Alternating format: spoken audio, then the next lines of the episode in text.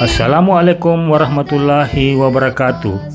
Tabik pun, saya Andi Asmadi, pemimpin redaksi Tribun Lampung, mengucapkan selamat Hari Raya Idul Adha 1441 Hijriah.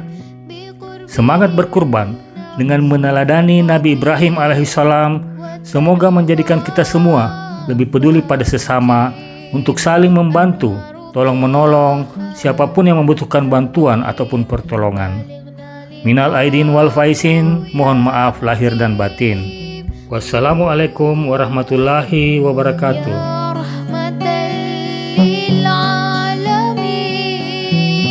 Ya Habibi ya